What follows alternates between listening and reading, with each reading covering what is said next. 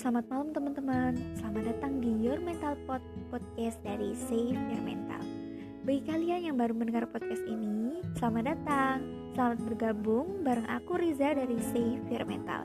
Jadi Save Your Mental ada sebuah komunitas yang concern dengan isu kesehatan mental, di mana dengan keberadaan kita, kita berharap dapat membantu teman-teman untuk lebih aware dengan isu-isu seputar kesehatan mental.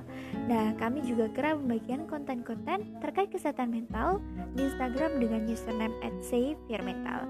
Jadi jangan lupa di follow. Oke, balik lagi nih bersama aku yang kali ini sudah bersama pembicara yang sangat amat seru yaitu Kak Dwidia atau Kak Widya dari Here to Heal. Jadi gak perlu lama-lama, langsung aja kita kenalan sama Kak Widya. Halo semuanya, namaku Widya Jezi, uh, bisa dipanggil Widya. Aku adalah tim Research and Development dari Here to Heal. Oke, umurnya kak mungkin? Oke, uh, usiaku sekarang uh, 23 tahun ya. Uh, terus kalau komunitasnya kakak itu seperti apa sih? Terus terbentuk uh, tahun berapa? Terus kegiatannya tuh ada apa aja? Oke, kalau komunitas Here to Heal ini uh, terbentuknya sebenarnya udah dari 2019 ya. Terus kemudian kita ini uh, bergerak di bidang kesehatan mental yang mana tujuannya itu mengedukasi masyarakat untuk sadar akan kesehatan mental dan uh, mengetahui dunia psikologi. Jadi harapan kita itu ketika seseorang itu sudah sadar atau uh, sudah tahu ya gitu, maka orang itu akan uh, sedikit lebih paham lah gimana caranya memperlakukan dirinya dengan baik serta memperlakukan orang yang mungkin uh, dalam tanda kutip uh, kurang sehat secara mental begitu ya. Sehingga orang-orang tidak dengan mudah untuk menstigma seseorang kalau uh, kegiatan yang kita lakukan di Here to Heal ini kita uh, ada melakukan webinar, kemudian live Instagram, kemudian konten-konten di Instagram seperti itu. Nah, jadi di sini uh, untuk konten memang uh, khususnya psikologi ya. Tapi kita uh, juga membuat konten-konten uh, terkait dengan event-event tertentu, misalnya uh, Hari Ibu, Hari Perempuan yang seperti itu. Kemudian uh, kita juga ada konten-konten yang memang lebih ringan uh, seperti misalnya rekomendasi lagu, rekomendasi film seperti itu. Oke, terus kalau kakak sendiri uh, backgroundnya psikologi juga atau gimana? Iya, kebetulan aku backgroundnya juga psikologi dan sekarang juga sedang kuliah psikologi sebenarnya. S2, iya ya kak? Iya S2. Oke. Okay. Uh, terus tagline yang ingin dibagikan sama komunitasnya Here to Heal itu apa sih kak? Oke. Okay. Tagline yang ingin dibagikan sesuai nama kita ya, Here to Heal gitu ya, uh, mendengar untuk menyembuhkan. Nah, sehingga kita itu punya harapan bahwa ketika kita bisa mendengarkan orang lain bercerita, mungkin uh, membuat dia akan merasa sedikit lebih lega atau lebih senang seperti itu ya meskipun memang tidak langsung uh, menyelesaikan masalahnya gitu ya. Tapi dengan kelegaan yang mereka rasakan setidaknya mereka akan bisa berpikir uh, untuk lebih positif atau uh, sedikit ada titik terang akan masalahnya seperti itu. Oke. Uh, sekarang kita langsung masuk pembahasan ya kak. Oke boleh. Nah, e, kalau kakak tahu sejak episode 1 podcast Save Your Mental, kita udah bahas banyak banget satu hal yang diawali dengan Ada self love, self awareness, self acceptance, self esteem dan lainnya dan sekarang kita bakal bahas soal self concept. Nah, jadi self concept itu seperti apa sih, Kak? Oke. Okay. Uh, eh, self concept itu uh, merujuk pada gimana seseorang itu memikirkan atau mengevaluasi dan juga memandang dirinya sendiri atau uh, pandangan seseorang terhadap dirinya sendiri tentang perilaku, kemampuan, karakteristik dan lain-lain. Jadi, ketika orang itu sadar akan dirinya secara keseluruhan, berarti ia memiliki konsep tentang diri sendiri. Nah, konsep diri yang uh, kita bangun itu sebenarnya memang udah kita kembangkan sejak kecil ya.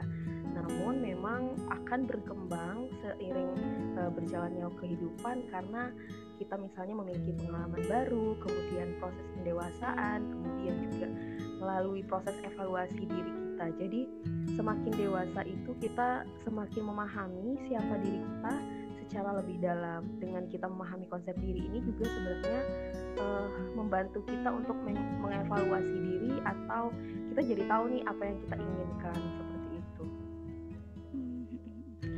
Terus apa sih kak uh, faktor yang mempengaruhi self konsep seseorang yang uh, dibentuk? Apakah ada karena faktor lingkungan atau pendidikan dari orang tua? Oke. Okay faktor yang membentuk self concept itu emang sangat banyak. Salah satunya memang juga pola asuh orang tua dan lingkungan. Kemudian faktor-faktor lainnya juga terkait dengan pengalaman tertentu, misalnya ada orang yang uh, sudah pernah menghadapi suatu masalah tertentu, kemudian juga uh, perilaku seseorang, kondisi intelektualnya, bahkan juga atribut fisiknya. Namun memang uh, karena self concept ini udah berkembang sejak kita kecil ya, jadi sebenarnya uh, pola asuh orang tua itu sendiri memang uh, mempengaruhi gimana self konsep kita. Jadi uh, ketika seseorang pas dia udah dewasa itu punya konsep diri yang sehat, itu sebenarnya juga terkait dengan gimana sih orang tuanya memperlakukan dia, kemudian gimana gaya pengasuhan orang tuanya kepada dia gitu. Kemudian juga terkait dengan gimana dia uh, mendapat perlakuan dari lingkungannya seperti itu uh, kalau self concept sama self image itu apa bedanya sih kak? Terus apa bedanya juga sama pencitraan? Oke, okay. kalau uh, bedanya self concept dengan self image, jadi sebenarnya self image ini merupakan uh, salah satu komponen gitu dari self concept gitu ya. Jadi kalau misalnya self image ini gimana seseorang itu melihat atau menilai diri mereka sendiri, tapi self concept lebih uh, luas daripada itu. Self concept ini juga termasuk uh, evaluasi diri yang lebih komprehensif sifatnya. Jadi sebenarnya kalau misalnya uh, seseorang memiliki self image itu bisa membangun gimana self conceptnya. Misalnya contohnya gini, uh, ketika ada orang yang berpikir bahwa aku merupakan seorang teman yang baik gitu ya. Nah, itu berarti konsep diri dia gitu. Nah, tapi kalau misalnya self image ini cenderung lebih ke misalnya oh, aku adalah anak yang jelek gitu. Nah, self image ini terkadang uh, tidak sama dengan uh, kenyataan yang ada. Jadi apa yang dia pikirkan itu kadang-kadang realitasnya nggak kayak gitu gitu. Misalnya nih uh, dia bilang dia ngerasa bahwa aku adalah anak yang jelek, padahal pada kenyataannya tidak seperti itu.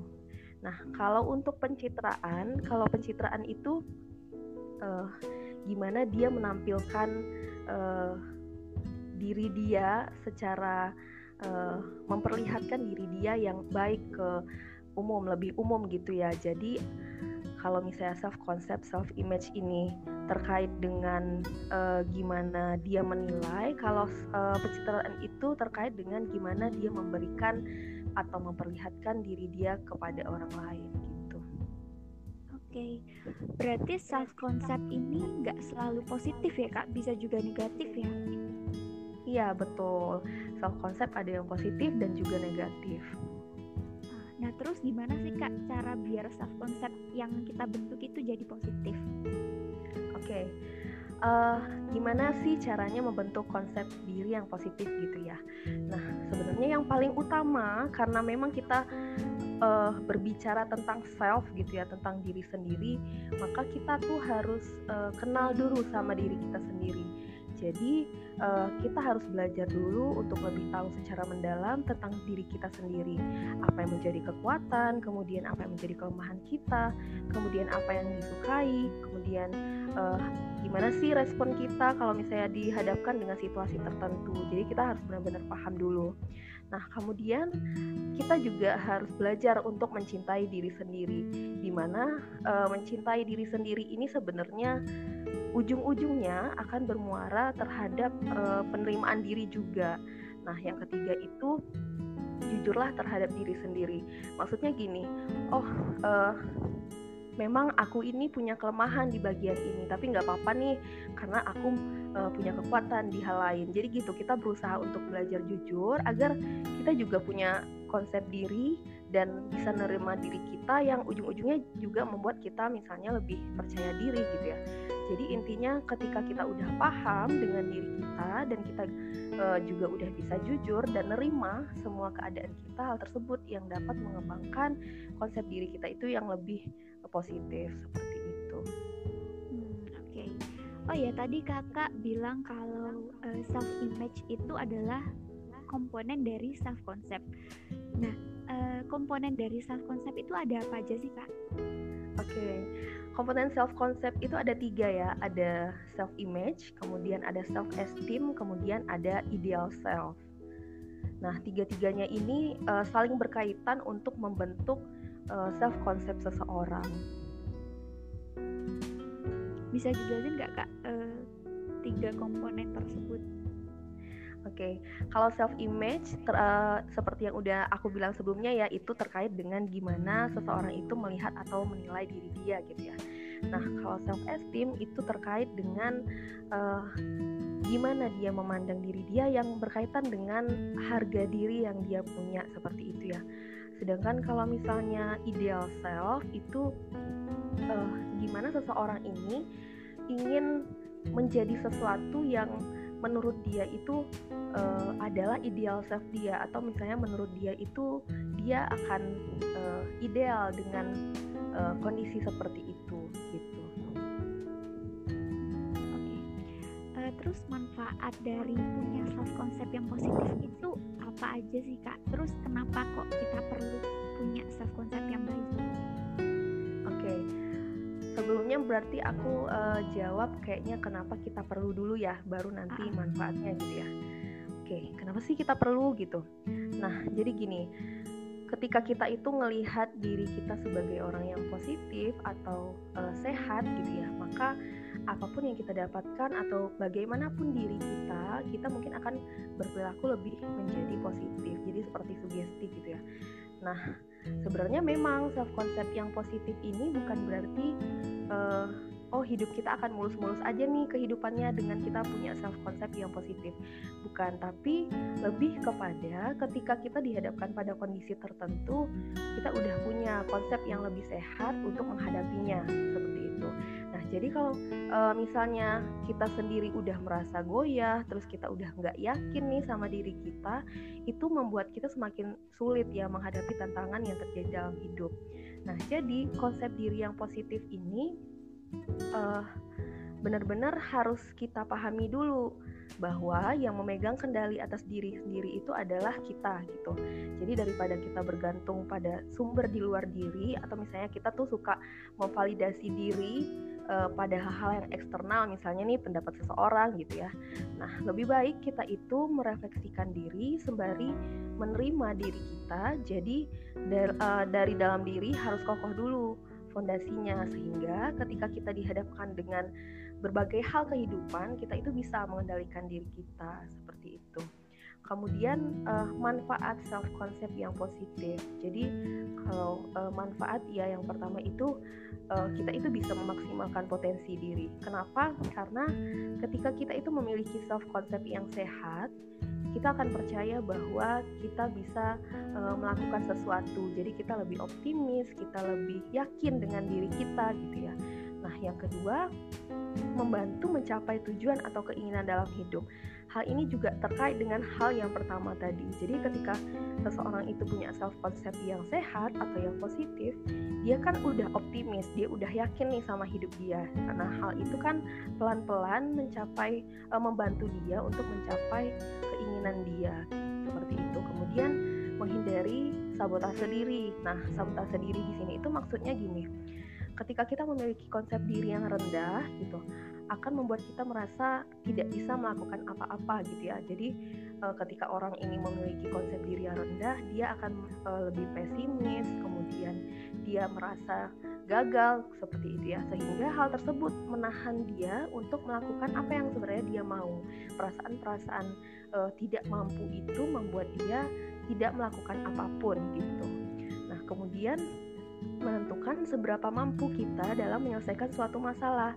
Nah, balik lagi misalnya tadi uh, kita udah kenal banget sama diri kita, udah paham, udah tahu. Jadi kita tahu nih, oh kayaknya kalau masalah ini aku mampu. Oh kalau misalnya ini sepertinya uh, aku uh, masih setengah nih belum mampu gitu ya. Terus kita juga tahu oh kalau ini masih zona nyamanku nih. Kalau misalnya ini udah keluar nih dari zona nyamanku seperti itu. Kemudian yang terakhir itu uh, eh, self concept yang positif ini bisa mempengaruhi gimana respon kita dalam menghadapi tantangan atau masalah yang muncul dalam kehidupan seperti itu. Oke. Uh, ini aku lihatnya hampir sama kayak self esteem sih kak kan kalau kita uh, punya rasa insecure itu mempengaruhi bagaimana kita melihat diri kita sendiri. Ya kayak gitu kan ya kak? Iya. Oke okay. terus kak uh, dari Hair to Heal sendiri itu ada kegiatan nggak yang berkaitan dengan self concept Oke, kalau kegiatan yang berkaitan dengan self concept, kebetulan kemarin ini kita juga pernah uh, membuat konten-konten yang terkait juga dengan self concept, kemudian juga ada self image yang seperti itu. Kalau misalnya untuk kegiatan. Pertanyaan terakhir nih kak, uh, gimana sih cara Here to Heal buat menyadar tentang pentingnya self concept ini? Oke, okay. uh, eh, untuk menyebarkan kesadaran mengenai pentingnya self uh, konsep ini, jadi kita seperti tadi kita itu membuat konten-konten yang terkait dengan uh, misalnya nih memiliki self konsep yang positif. Jadi ketika kita buat konten tentang self konsep ini di dalamnya itu kan juga ada tentang oh uh, self konsep yang positif itu seperti ini. Oh ini yang harus dilakukan untuk meningkatkannya oh berarti ini ya manfaatnya ketika seseorang itu punya uh, self konsep yang positif yang mana konten itu kita bagikan lewat Instagram kita. Nggak terasa ya kak, pembahasan kita udah 17 menit, padahal rasanya singkat banget. Iya. Jadi uh, usai udah di pembahasan kita hari ini. Terima kasih banyak ya kak Lydia atas waktu dan ilmunya yang luar biasa uh, terakhir nih kak ada pesan-pesan dan tips buat teman-teman Xavier mental nggak kak? Atau mungkin okay. promosi Instagram?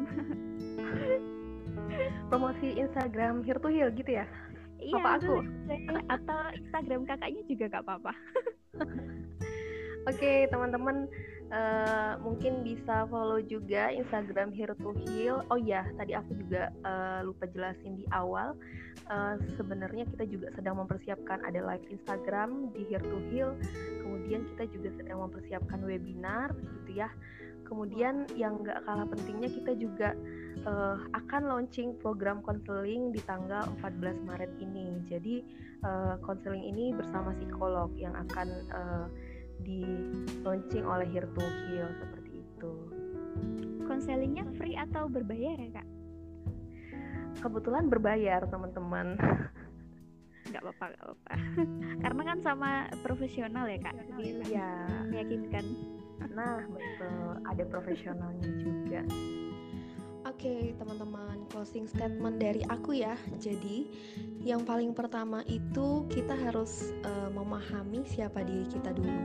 Kemudian pahami semua hal yang ada di diri kita. Nah, dari hal tersebut kita bisa mengembangkan self concept yang lebih positif dan sehat. Yang mana hal ini akan mempengaruhi setiap aspek dalam kehidupan kita ke depannya. Oke, jadi uh, itu tadi pembahasan kita soal self concept bareng Kak Widya dari Here to Heal. Uh, terima kasih Kak Widya buat waktu dan ilmunya. Terima kasih juga buat teman-teman yang sudah mendengarkan podcast ini. Sampai jumpa di Biar Mental Pod selanjutnya. Bye bye.